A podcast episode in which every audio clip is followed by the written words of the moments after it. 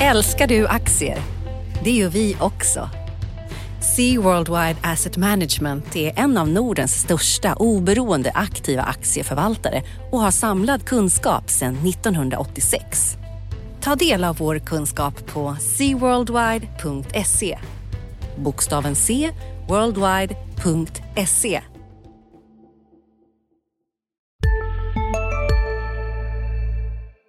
Hej! Andreas Johansson på DIs nyhetsmagasin Ekonomistudion här. Vi fördjupar oss i de viktigaste frågorna och möter Sveriges makthavare inom ekonomi och politik. Ekonomistudion finns där poddar finns varje dag klockan 16. Analyspodden från Dagens Industri. Hej allihopa och välkommen till veckans avsnitt av Dagens Industris analysredaktionspodd. Jag heter Ulf Pettersson och mitt emot mig på dataskärmen har jag Agneta Jönsson. Hejsan Agneta! God morgon Ulf! God morgon! Har du varit uppe i, i och läst rapport här på morgonen eller? Vi, skrev in det, vi, vi spelar in det här eh, fredag förmiddag. Ja, nu är klockan tio så det är lite mer förmiddag. Nej, jag har inte varit uppe så tidigt i morse. Jag hade tidiga pass tidigare i veckan här klockan sju. Men du vet, jag har varit igång här redan sedan innan sju tror jag. Precis, det stämmer. Eh, idag, fredag den 29 januari, är ju den stora rapportdagen får man väl ändå säga, åtminstone om man räknar till sammanlagd börsvärde och sådär. Vi hade ju eh, Ericsson och H&M, Telia bland annat eh, och massvis av skogsbolag. Så det här var, det här var en intensiv dag. Eh, det kommer bli en intensiv nästa vecka också, men, men eh, det var en intensiv dag idag och mycket, mycket att prata om tycker jag. Eh, tycker. Så vi kör väl igång direkt. Jag tycker det. Ska vi inte bestämma att denna gången så skippar vi det här med makro, för nu finns det så himla mycket att säga om börsen, så jag tycker vi fokuserar på det i dagens podd. Det tycker jag. Dessutom är du och jag mer mikromänniskor än makromänniskor, det vill säga företags, företagsmänniskor. Du har ju eh, bankerna på ditt skrivbord eh, och du har fått en rapport hittills, eh, eh, av de stora i alla fall. Sen har du fått lite andra finansbolag och det var SEB. Eh, vad, har du att säga om, vad, vad har du att säga om den? Den var ju stark. Det var ju ett rörelseresultat som var 10% bättre än väntat men lika mycket sämre då än motsvarande period förra året. Och det är ju, skillnaden är ju eh, att det har varit tuffare med eh, provisionsintäkter och sånt, framförallt är det kortavgifter och sånt som har varit eh, mycket lägre därför att företagskort och sånt har inte använts i samma utsträckning. Däremot var räntenettot jättestarkt, upp 11 procent mot förra året. Eh, kreditförlusterna var ju låga som väntat i det här kvartalet för man tog ju i så jättemycket under första halvåret. Så att överlag var det en bra rapport från SEB. Det som ställer till oreda däremot är den här diskussionen om eh, utdelningarna. Nu passade man på att sätta nya eh, finansiella mål i samband med det här. Och det ställde till lite oreda och lite diskussioner vad det var man ville göra egentligen. Eh, tidigare så delade man ut sa man minst 40 procent av vinsten, men ofta har man ju delat ut liksom över 70 procent. Nu sa man runt 50 procent. Samtidigt så sa man att när den här bufferten på kapital är mer än mellan 1 och 3 procent över vad Finansinspektionen kräver så tänker man göra återköp. Och det är ju det andra sättet att föra över pengar till aktieägarna. Just det. Och hur, hur ligger man nu då i förhållande till en, en till 3 procents eh, finans, eh, finansinspektionskravet? Nu ligger man rekordhögt. Man ligger 8,4 procent över. Eh, skulle man se allt annat lika då om man skulle hålla de här 300 punkterna som är taket på nya bufferten och sen behöver man 100 punkter extra ungefär när det här bankpaketet från EU införs fullt ut i år och sen mm. delar, delar man ut 4 och 10 nu. Eh, då finns det ändå 10,50 kvar per aktie så att säga i överskott. Eh, så min gissning är att det blir återköp här under fjärde kvartalet, fast inte för alla pengarna. Och kanske då en extra utdelning framåt nästa vår. För det är som Johan Torgeby hintade lite under den här eh, diskussionen efter presentationen var att en stämma kostar ju också pengar, det är en apparat att dra igång. Eh, när Finansinspektionen förhoppningsvis släpper det här utdelningsstoppet eh, sista september så är det inte så lång tid kvar på året och då kan man ju lika gärna vänta till kallelsen ska skickas ut eh, till stämman sen efter årsskiftet. Så att eh, med det resonemanget så tror jag kanske att det inte blir några kontanter i höst. Men det är min gissning liksom. Och till syvende och sist är det inte han som bestämmer utan det är styrelsen. Men de skulle egentligen kunna återköpa då. Aktien står ju här i strax under 100 spänn och du säger att de har ett överskottskapital möjligt för aktieåterköp enligt deras nya, nya så att säga, finans, eh, finanspolicy. Kan återköpa eh, 10 procent av aktierna då. 10 kronor, 100 kronor, 10 procent. Ja, det skulle man och det skulle ju naturligtvis bli kursdrivande om man gör det under en kort tid. Så att eh, som finanschefen sa där så är det ju liksom ingen bra idé att gå ut och göra det eh, under en kort period. Nej, men eh, det är bra för de som äger aktier under den korta perioden i alla fall. Precis, och ett av mina bolag faktiskt som agerade på det sättet, det var ju Intrum som kom med rapport igår. Om du kommer ihåg det i våras när det var som eh, jäkligast och allting föll och aktien halverades där i, under, i mars. Eh, då gick ju den här hedgefonden Muddy Waters in och blankade Intrum. Samtidigt så satte ju då Intrum igång med ett stort återköpsprogram, vilket blev riktigt bra eftersom de köpte eh, i princip tillbaka. Jag tror också det var nästan 10 procent av utestående aktier då under liksom, perioden där från början av april fram till stämman i maj. De gjorde helt enkelt en shot squeeze på Muddy Waters får man säga då. Det kan man säga. Så de kan ju till och med säga vara lite före sin tid. Eller? Ja, precis. Om du får, får sammanfatta SEB då, är det liksom Ska man äga den? Är den intressant? Det här 11 procents eh, bättre räntenetto låter ju fantastiskt. Är det, är det hållbart? Eh, ja, nu var det lite speciellt eftersom många företag lånade upp en massa pengar för man var orolig för vad som skulle hända här under krisen. Men det som, jag tror inte du kommer få se samma fantastiska utveckling på räntenettot i år, men däremot kan du kicka igång på andra grejer. Eh, företagsaffärer, större aktivitet hos företagen. Eh, och eftersom de har en tilt mot större företag så är det de som liksom vänder snabbast när det blir en återhämtning i samhället. Så att jag tror tror vi på ett bra ekonomiskt andra halvår i världsekonomin och att det här funkar med vaccin och alltihopa, då tror jag att det är den banken som du kan se bäst förbättringar i. Kul! Kul för Toiby och kul för alla andra aktieägare i SEB om det infaller eller infrias. Jaha, är det något annat då eller ska vi gå över till mina bolag? Jag kan ju prata färdigt om Intrum för de kom ju faktiskt ja, igår. Ja, ja precis. Och Jo, det, det har varit också... lite stökigt där eh, med vd-byten och allt möjligt.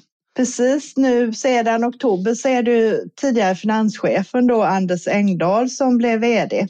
Och eh, när han tillträdde så hade de kapitalmarknadsdag i november där de ändrade liksom sina finansiella mål och man eh, Intrum är ett ganska komplicerat bolag redovisningsmässigt. De har ju mängder med olika grejer. Dels har de ju den här verksamheten kredithanteringstjänster, det vill säga där de inkasserar och tar in betalningar för sina kunders räkning. Och det tar de betalt för så att säga, precis som alla andra tjänster. Sen har de egna portföljer då med fordringar, säg dåliga banklån helt enkelt som de köper från banker och andra aktörer där de drar in pengarna för egen räkning.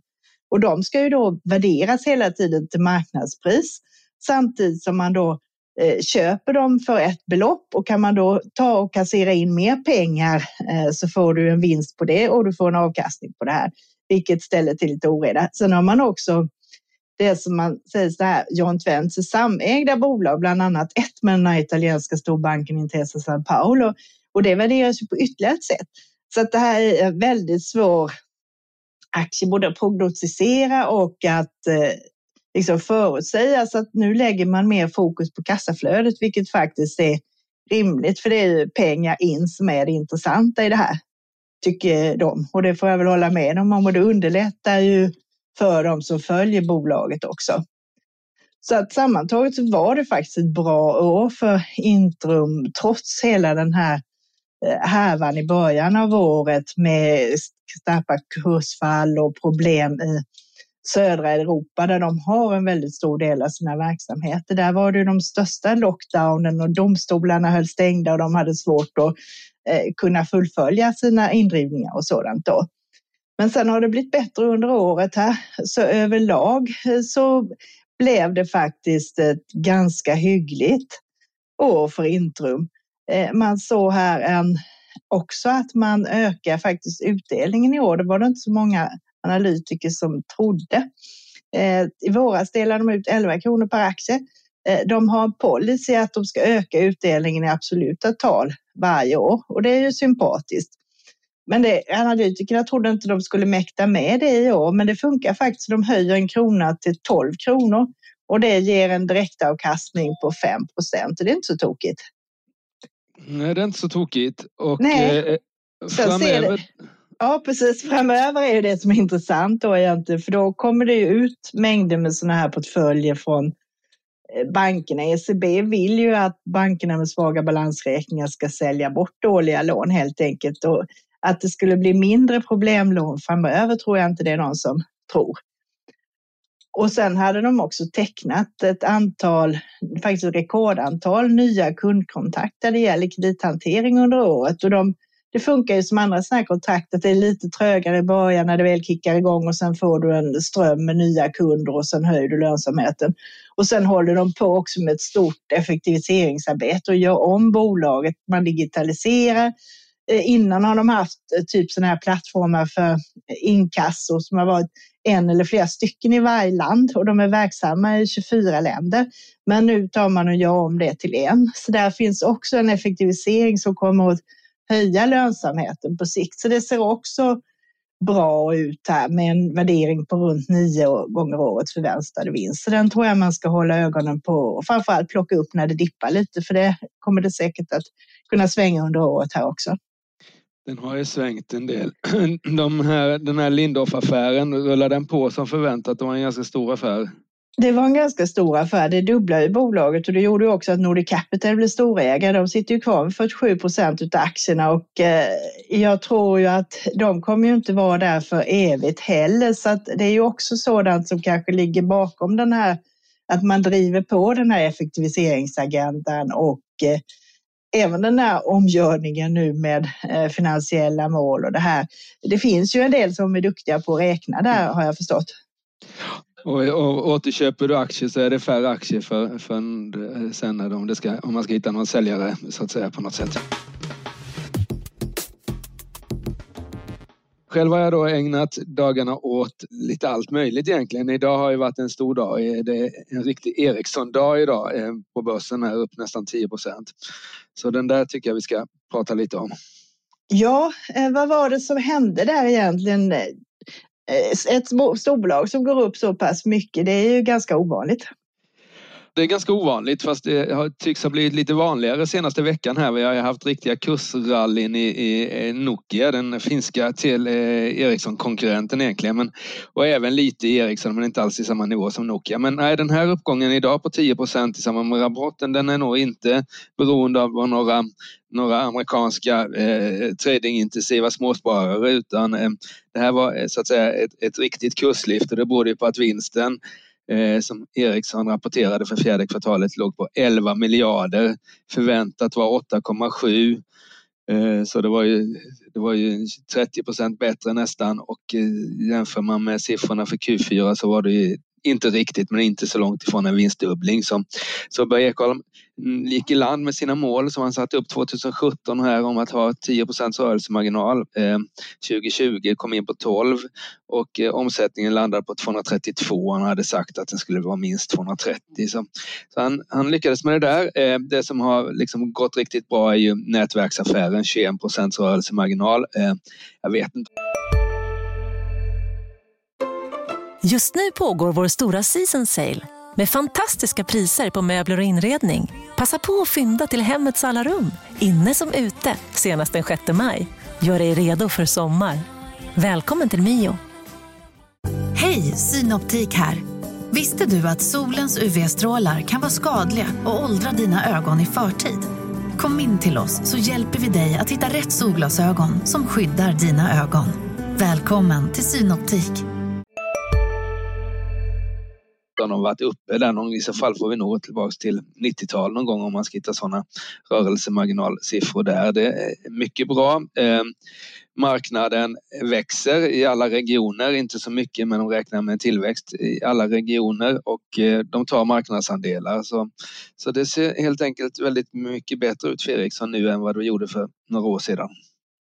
Sa han någonting om framtidsutsikter? Det har ju varit stökigt även med politiska grejer, det här att man har velat utesluta Huawei från upphandlingar och sådana här saker. Sa man någonting om det där? Inte mer än på kort sikt att första kvartalet ska bli ovanligt bra för att vara ett första kvartal eh, där omsättningen minskar mindre än historiskt eh, första kvartalet jämfört med fjärde kvartalet. Och det eh, förklarade då eh, Börje Ekholm att utrullningen av 5G eh, pågår i hög takt så det är inte någon broms där.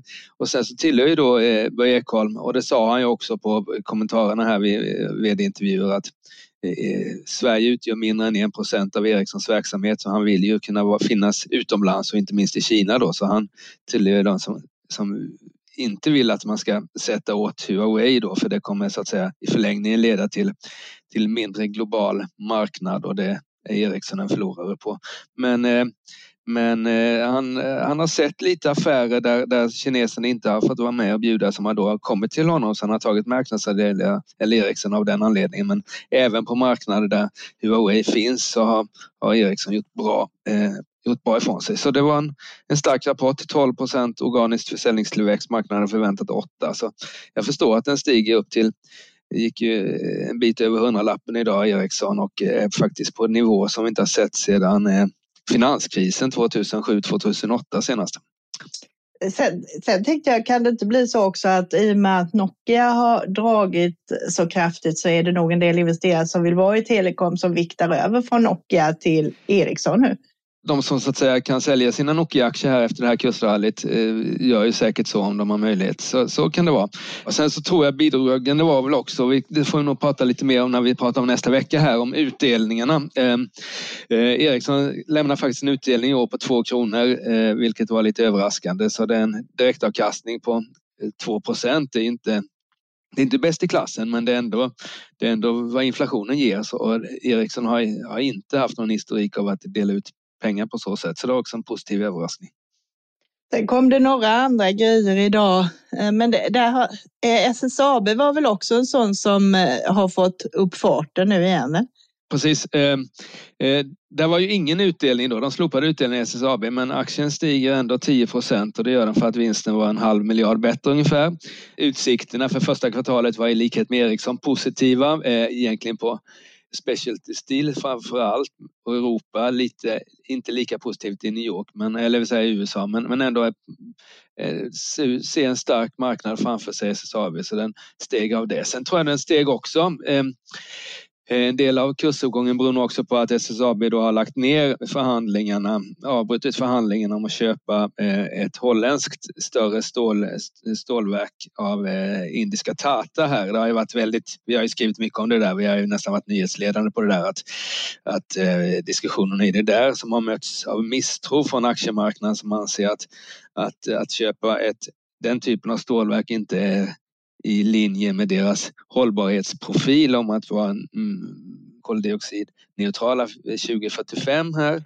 Nej, det är klart eh, förvaltarna blir eh, irriterade över om man då väljer att gå motsatt väg och köpa något av de mesta miljöförstörarna. Så att. Ja, och de förklarar, han sa ju att planen var ju att göra om det här holländska verket till ett miljö vänligt eller i alla fall mindre miljöfarligt verk men, men att kostnaderna för det visade sig för, för stora och sådär. Men det är ju faktiskt lite, jag skulle säga att det är, det är inte ja, vad ska vi säga, det är alltså att, att som VD eh, sitta och förhandla ett sånt, en sån jätteaffär. Vi pratade ju om 20 miljarder eller något sånt där och sen så helt plötsligt avbryta då. Eh, jag tycker det var rätt att man avbröt men liksom det känns som att man började fel och det är lite, jag skulle säga att, att ska vi säga, förtroendet för SSAB-ledningen har väl fått en liten, liten eh, fläck även om rapporten här var stark då för fjärde kvartalet.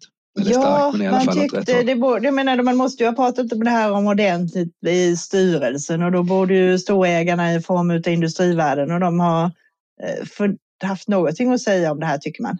Ja, frågan är om den här miljöambitionen miljö, eh, så att säga mest är på pappret här och sen så när det handlar om pengar så vill man göra bra bra miljöovänliga affärer så att säga. Så där har de faktiskt en diskussion. Jag tycker inte det räcker med att bara skicka en pressrelease och säga att vi avbryter här utan man, de får nog liksom gå tillbaks och, och berätta hur, hur de ser på SSAB kommande åren och vad de ska syssla med egentligen. Mm. Det mm. blir mm. intressant att följa vad som händer där. H&M får man väl ändå mm. nämna även om kursreaktionen inte är något något extremt sådär. Den var oförändrad i början och nu tror jag den är backad någon procent eller två här efter en timmes handel ungefär. Men, men man får väl ändå nämna det att vinsten landade på, på 3,6 miljarder före skatt, vilket var eh, 600 miljoner eller 20 procent bättre ungefär. Men aktien backar ändå lite grann och det är ju att försäljningen fortsatte pressad. I december och januari så minskade försäljningen 23 procent och det är klart att då är det svårt att få ihop den här vinstvändningen som man räknar med från 2 miljarder på helåret 20 till 16 miljarder 2021. De, de 14 miljarderna i ökad vinst blir svårare att få ihop när, när försäljningen är ner 23 procent. Eh, så, så jag tror att det är lite sådär att det finns ingen trigger idag i H&M utan triggern är när, när man börjar öppna upp samhället igen för att den aktien ska gå vidare. Den har ju gått riktigt bra också sista tre månader, upp 30 procent. Precis, och nu är det ju stora nedstängningar framför allt eh, i övriga delar utav ja. Europa och andra delar av världen också. Det är klart att det, det påverkar dem. Ja, det såg man. Alltså de siffrorna fram till, eh, och då var ju ändå inte eh, eh, kvartalssiffrorna november Eh, Eh, september, november här eh, för dem så var ju eh, försäljningen minskade mest i Frankrike och Italien medan faktiskt Tyskland bara var ner 7 procent. Men, men i Italien och Frankrike var det ner närmare 30 här så det är länder som har haft rejäla stängningar även nu. Precis, vi får se om det blir som kollegan Mittelman skriver här att det blir ett kosläpp när alla ska ge sig ut och shoppa och resa och sådär. Det kan ju gynna dem också. Men du, ska vi titta i nästa vecka? Vad kommer du ägna dina dagar åt, Agneta?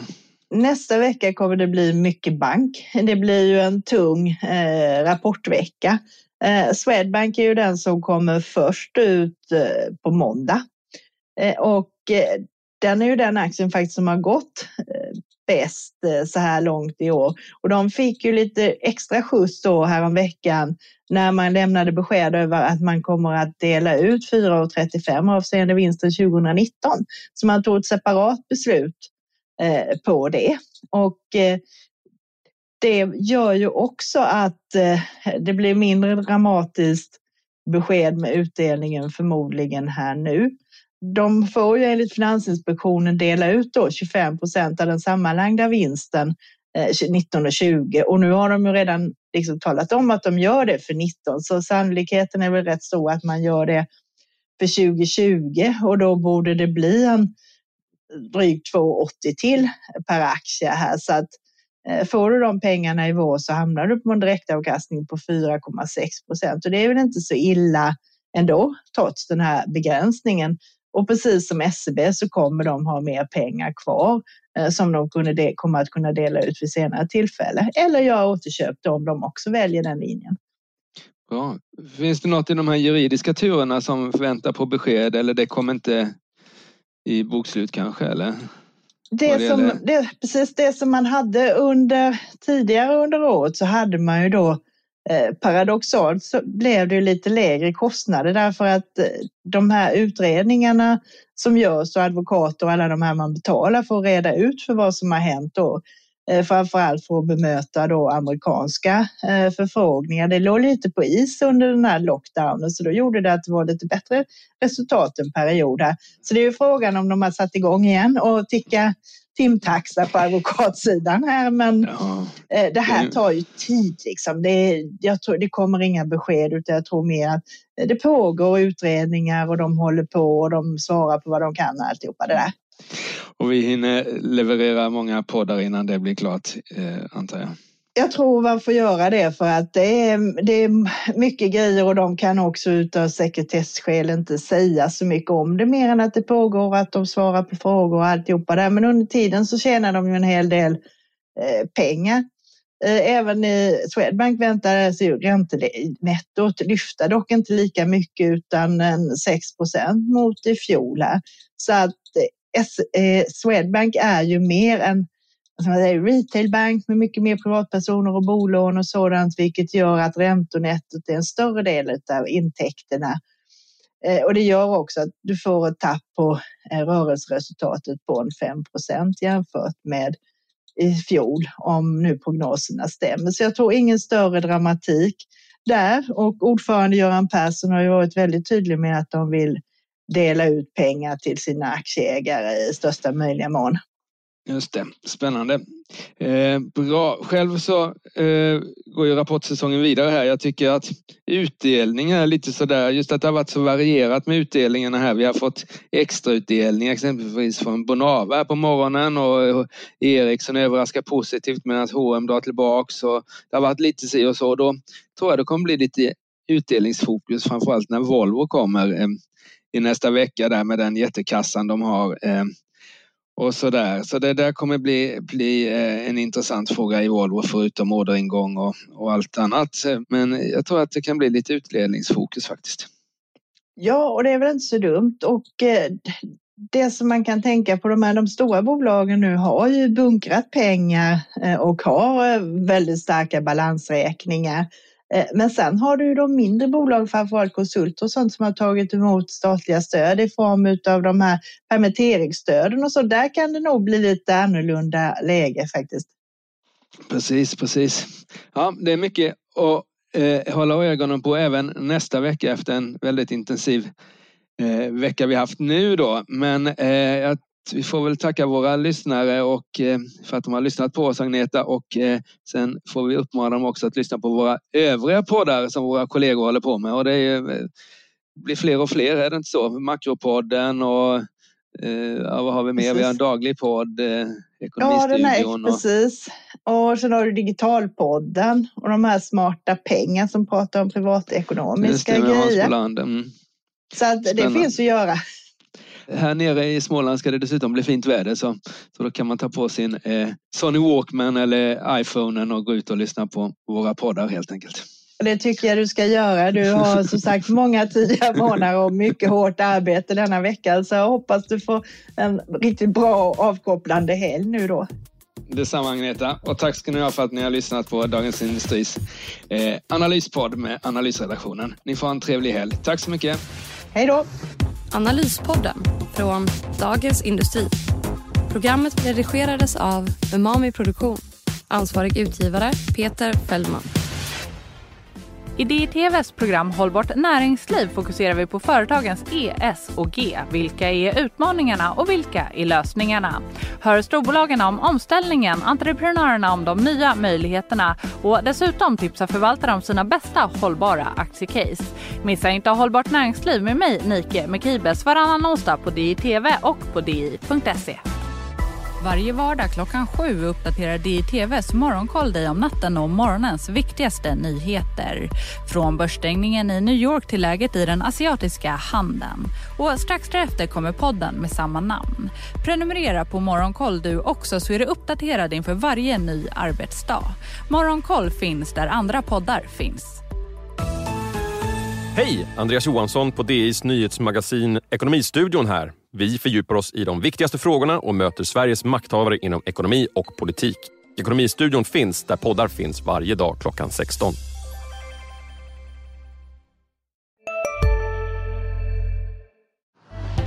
Älskar du aktier? Det gör vi också. Sea Worldwide Asset Management är en av Nordens största oberoende aktiva aktieförvaltare och har samlad kunskap sedan 1986. Ta del av vår kunskap på seaworldwide.se. Bokstaven C, worldwide.se